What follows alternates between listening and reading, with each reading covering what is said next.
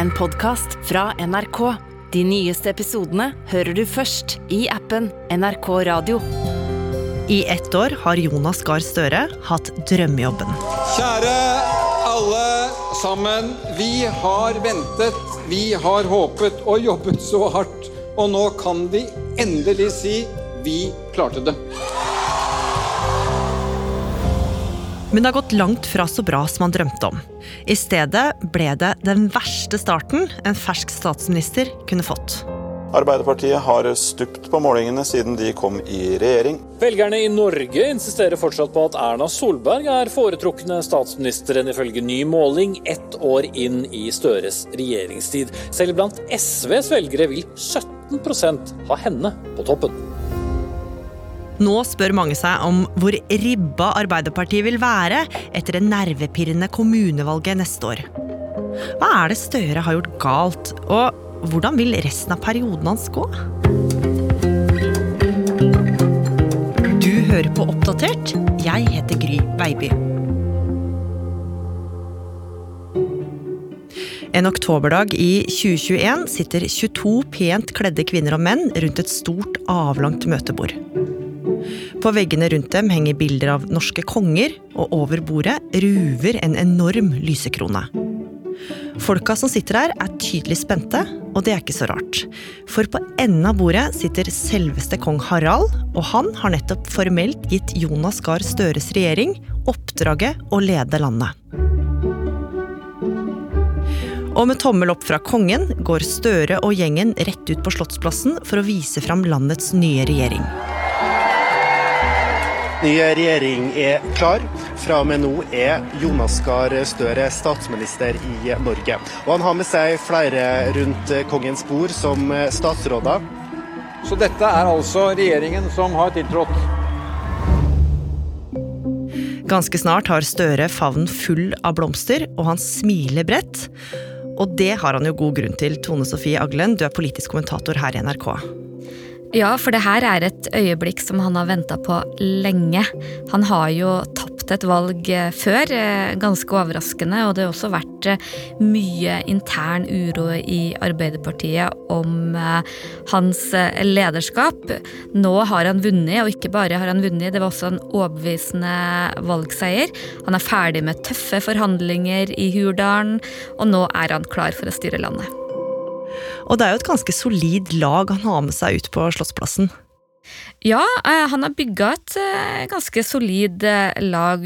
Det var en kombinasjon av mange nye, spennende ansikter, som Tonje Brenna, som ble ny kunnskapsminister, og Jan Christian Vestre, som ble næringsminister.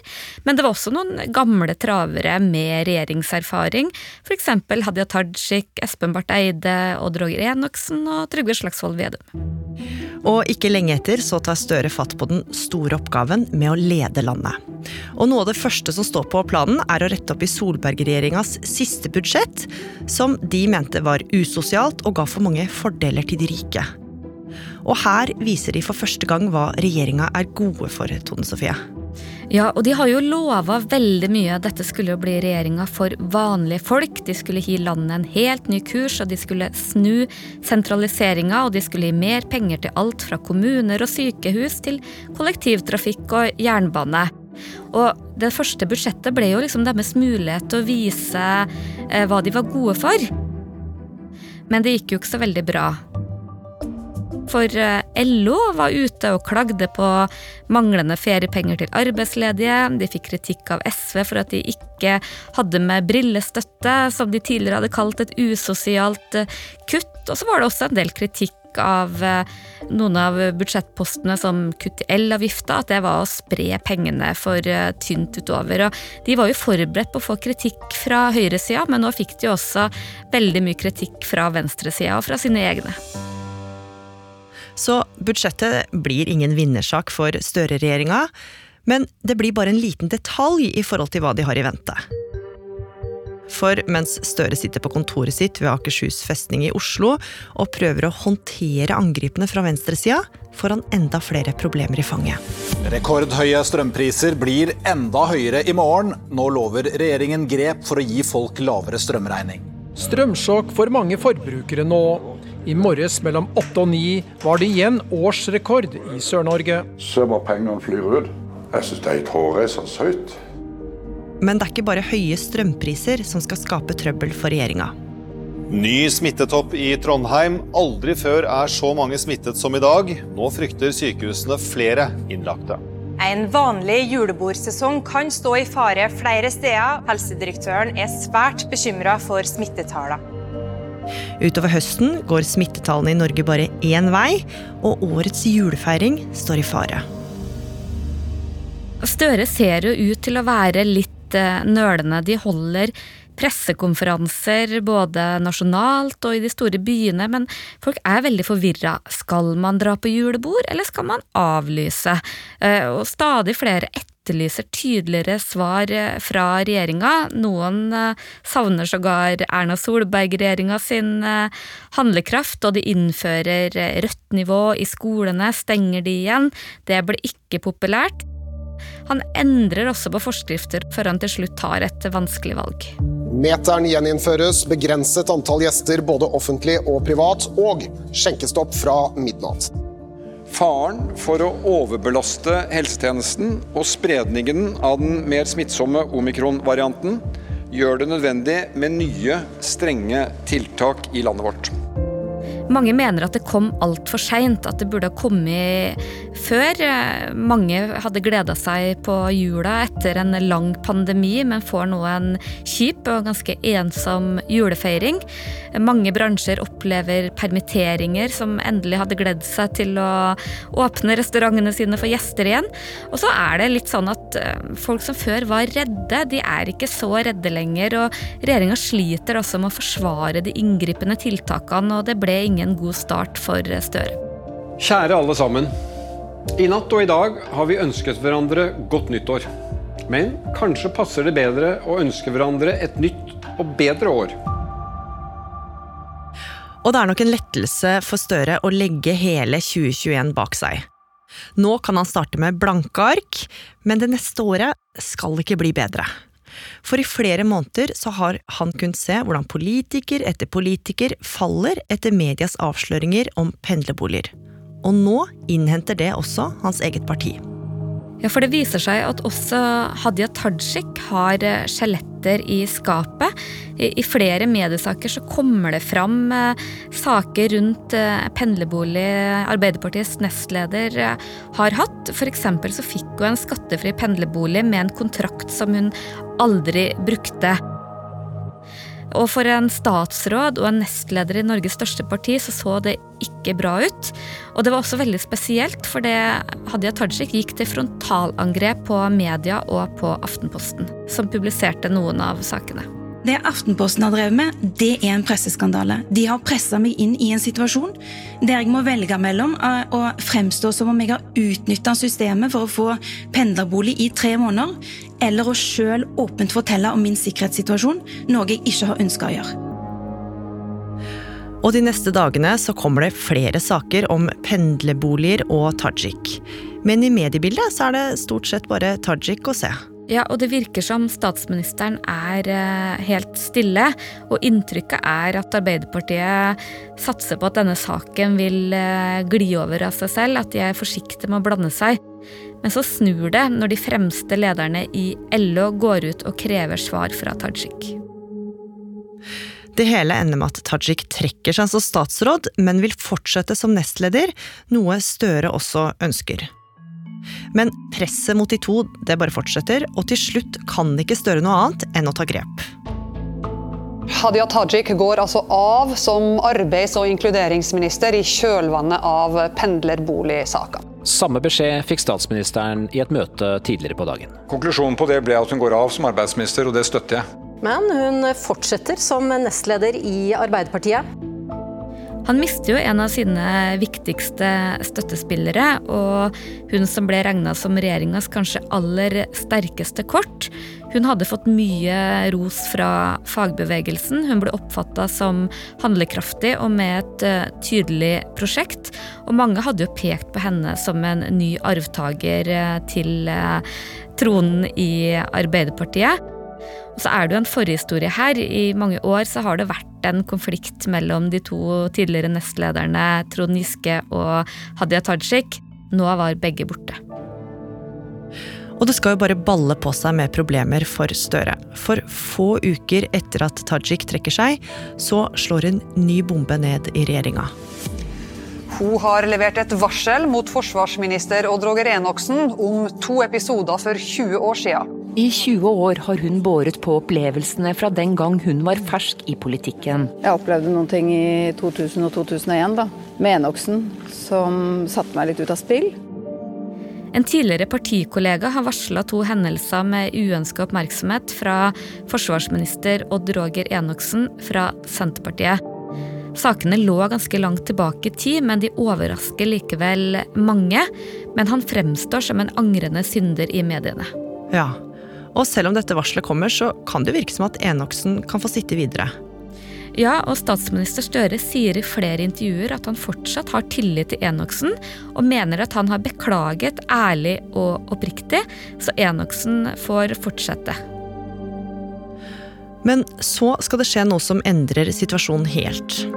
Forsvarsminister Odd Roger Enoksen beklager at han hadde et forhold til en 18 år gammel kvinne da han var statsråd i den forrige rød-grønne regjeringa. En mann i 50-åra skal ikke være seksuell mentor for en tenåring. En mann i maktposisjon må reflektere rundt hva den posisjonen eh, gir han av muligheter og ansvar. Og under en time etter at VG-saken blir publisert, så velger Enoksen selv å gå. Odd Roger Enoksen opplyser at han vil gå av som forsvarsminister. Statsminister Jonas Gahr Støre aksepterer Enoksens ønske om å gå av som forsvarsminister, og sier han mener det er riktig. Her framstår det jo som at Støre er handlekraftig. Det tok bare 50 minutter før eh, Enoksen eh, trakk seg.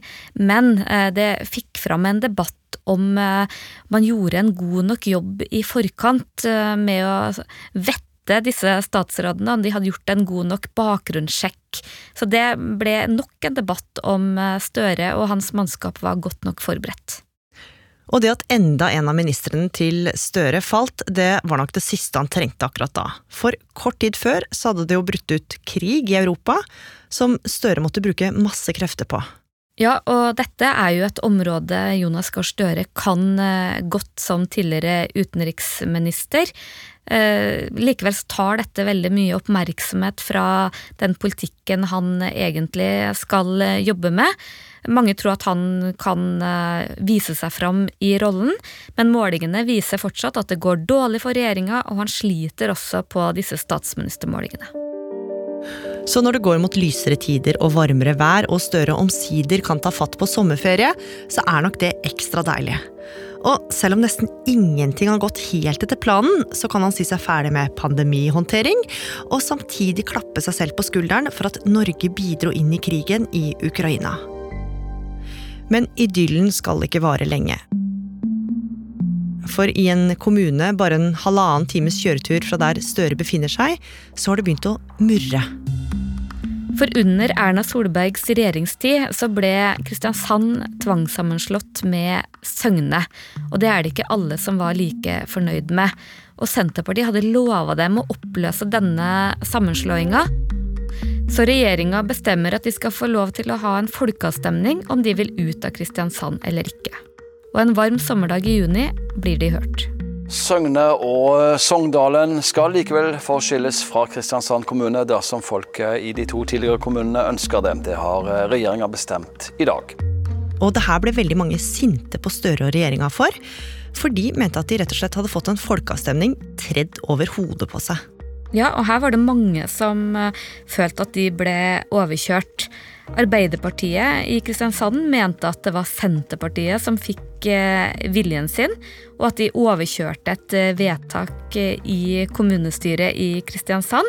Og i tillegg så var det overhodet ikke forankra. De måtte lese om det i avisa og syntes dette var veldig dårlig håndtert av deres egne, og beskrev det nesten som å ha fått en kniv i ryggen. Nå føler mange at lokaldemokratiet i Kristiansand er blitt overkjørt av regjeringa føler oss eh, at vi er blitt eh, latt i stikken av vårt eget eh, moderparti. Jeg vil gjerne høre til Kristiansand. Søgne kan ikke klare å stå alene. De kunne ikke det den gangen før vi ble innlemmet, og det var enda verre nå, tror jeg, hvis de skal ut igjen. Mange i Arbeiderpartiet mente at eh, Ap-makta på Sørlandet med dette var tapt. Det var ikke lenger noe vits i å drive valgkamp, og at Støre hadde latt seg overkjøre av Senterpartiet. Nå var det krise, så Støre han må krype til korset og drar til Sørlandet for å rydde opp. Endelig på plass hos sine egne partifeller i Kristiansand. Vi har avtalt dette møtet for å lytte og å For å slukke en brann, eller? Eh, Det brenner ikke her nå, så vidt jeg ser, men eh, vi skal lytte og er klar over at her er det mange meninger som det er verdt å høre på. Og hva skjer der, Tone Sofie? Jo, når han lander i Kristiansand, så må han eh, stå skolerett og få kjeft fra både partikolleger og fra næringsliv, eh, fra aviskommentatorer, og det blir nok en gang et eksempel på at eh, Støre har vært for bakpå og har latt seg overkjøre av Vedum. Og spekulasjonene går også høyt om Arbeiderpartiet har pådratt seg et storbyproblem. Hva betyr det? Det betyr at eh, de store byene blir litt eh, glemt på bekostning av eh, distriktspolitikken, og man frykter at man vil tape mange velgere i storbyene ved neste valg. Og det blir egentlig ikke noe roligere for Støre de neste månedene. For den varme sommeren har nesten tørka ut vannmagasinene, og etter hvert som det blir kaldere og folk trenger oppvarming, blir strømmen igjen bare dyrere og dyrere. Strømprisene når stadig nye høyder, og presset på regjeringa om raskere tiltak øker. Ingen planer fra regjeringa for å få ned prisene. Kun planer for kompensasjon. Gjøre oss til strømklienter, både husholdninger og bedrifter. Det er ingen varig løsning. Krigen i Ukraina gjør også at matprisen stiger, og med renteheving på toppen av det hele, har begeret for lengst rent over for mange. Hver måned deler Matsentralen i Trøndelag ut mellom 30 og 50 tonn med overskuddsmat fra matvarebransjen, men etter sommeren har de merka ei endring. De vi skal gi til i dag, mange av dem lever på eh, 1500 kroner i måneden eh, som skal gå til alt av utgifter. Det, det er tydelig at folk er prega av at eh, prisene har gått opp. Og nå, Tone Sofie, nå ser det jo skikkelig dårlig ut. Gang på gang så kommer det nye bunnmålinger for Støre og regjeringa. Har Støre bare vært uheldig og fått krise etter krise i fanget, eller har han gjort noe gærent? Da vil jeg vel si at eh, begge deler er litt eh, riktig. Han har vært uheldig med at det har skjedd eh, mye som både tar mye oppmerksomhet, og som folk er eh, misfornøyd med, ikke minst de stigende prisene, som ikke er så lett for regjeringa å gjøre noen ting med. Samtidig så var det en veldig fersk eh, regjering som framstod uforberedt. De var ikke godt nok samkjørt til å håndtere alle disse krisene, og sleit litt med både kommunikasjon og, og gjennomføring, som nok gjorde at folk eh, ikke hadde helt tillit til dem, og det ble et litt sånn etterlatt inntrykk at de var for bakpå i sak etter sak. Mange har jo alltid sagt at eh, Støre ikke egna seg så godt som opposisjonspolitiker, men at han ville komme til sin rett som eh, statsminister. Nå som det har gått ett år, så tror jeg vel eh, de fleste tenker at han trenger litt mer tid for å vise det. Og nå er det under ett år til kommunevalget, og der har jo Støre mye å bevise. Hva står på spill for Arbeiderpartiet nå? Det blir en eh, prøvestein for eh, regjeringa, for nå er det mange ordførere der ute som begynner å frykte for eh, ordførerkjedene sine. Blir det massivt tap i kommunevalget, og de taper kommune etter kommune, så vil nok misnøyen spre seg, ikke minst dersom Arbeiderpartiet taper mange av de store byene. Og Utfordringa med å tape makt lokalt er jo at det blir dårligere stemning i partiet, og det blir vanskeligere for Jonas Gahr Støre å snu skuta og få ny optimisme inn.